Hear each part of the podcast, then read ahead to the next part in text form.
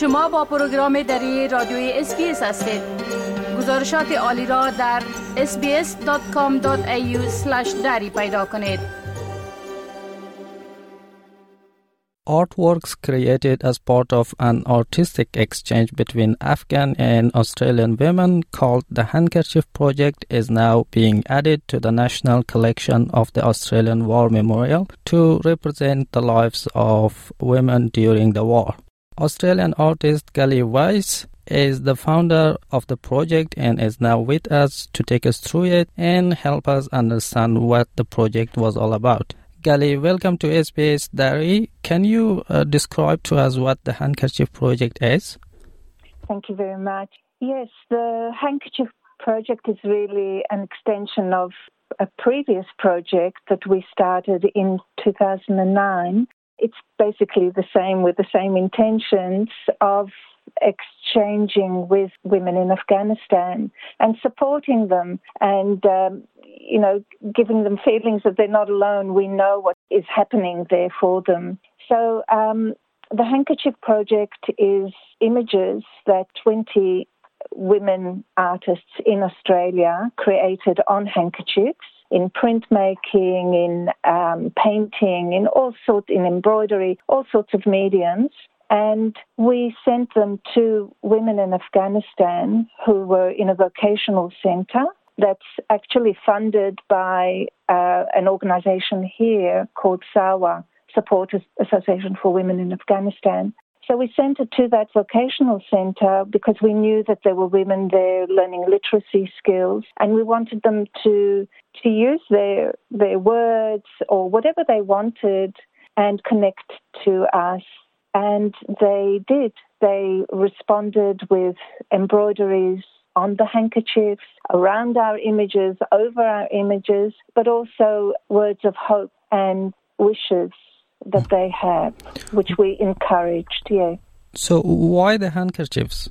Well, we wanted, you know, there was there were we sent 60 handkerchiefs. Each woman uh, in Australia created three handkerchiefs images you know, we don't use them, but they've got a history of emotion, you know, sadness and happiness as well. And they've got a long heritage, handkerchiefs. And then afterward, and they're easy to deliver because we couldn't really send them, so they, they were easier to deliver that amount of artwork. And um, then we learned that handkerchiefs have a have a history in Afghanistan as well that many women uh, embroider handkerchiefs as gifts for loved ones, things like that. Yeah, so that made it even more pronounced. Uh, and uh, what uh, sort of messages did you get from the Afghan women on these uh, handkerchiefs?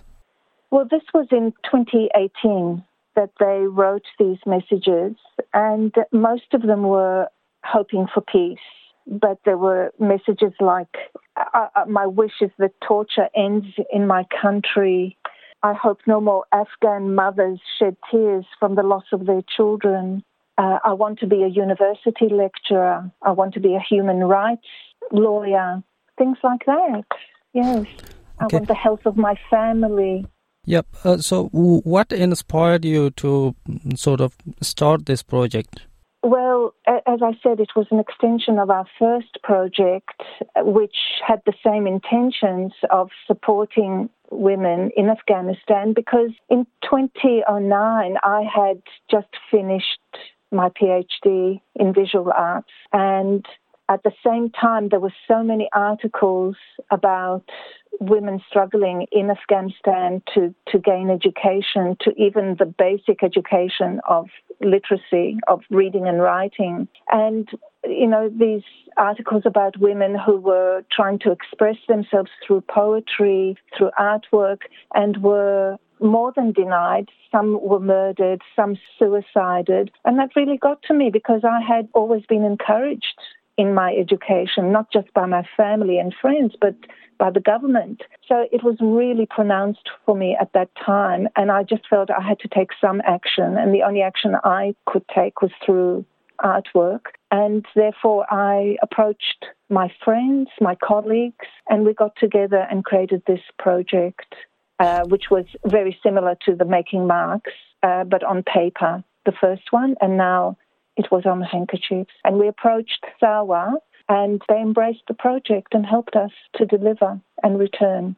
And we wanted to not only support the women, but connect to them, actually connect materially to them through an art object. And uh, are you still in contact with uh, some of these women? Yes. Um, well, mainly when we did the Making Marks, um, with the, the handkerchief project, which we called Making Marks, I connected with the director of the vocational centre, Morsal, and we have ke- we had kept up our relationship really, and I was um, connecting to her during the time of the Taliban takeover in 2021, and afterwards, and we're still creating new projects together to support women who are in Afghanistan. And Morsal is now in Australia, right? She is. Yes, she managed to come here. Yes. How did uh, these handkerchiefs found their way to the Australian War Memorial?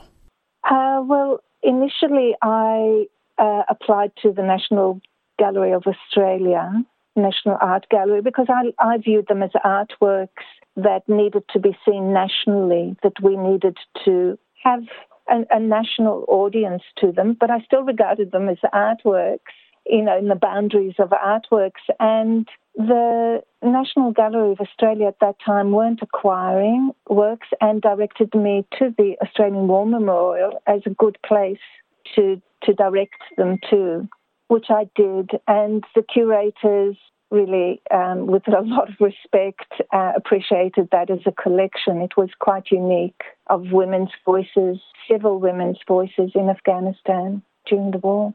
Yep And uh, they will be on display at the memorial's National Collection forever? I believe so, yes, they will. Thank you, Gali Weiss, for coming along to speak to us. Thank you very much. That's my pleasure. Thank you too. بپسندید شریک سازید و نظر دهید اسپیس دری را در فیسبوک تعقیب کنید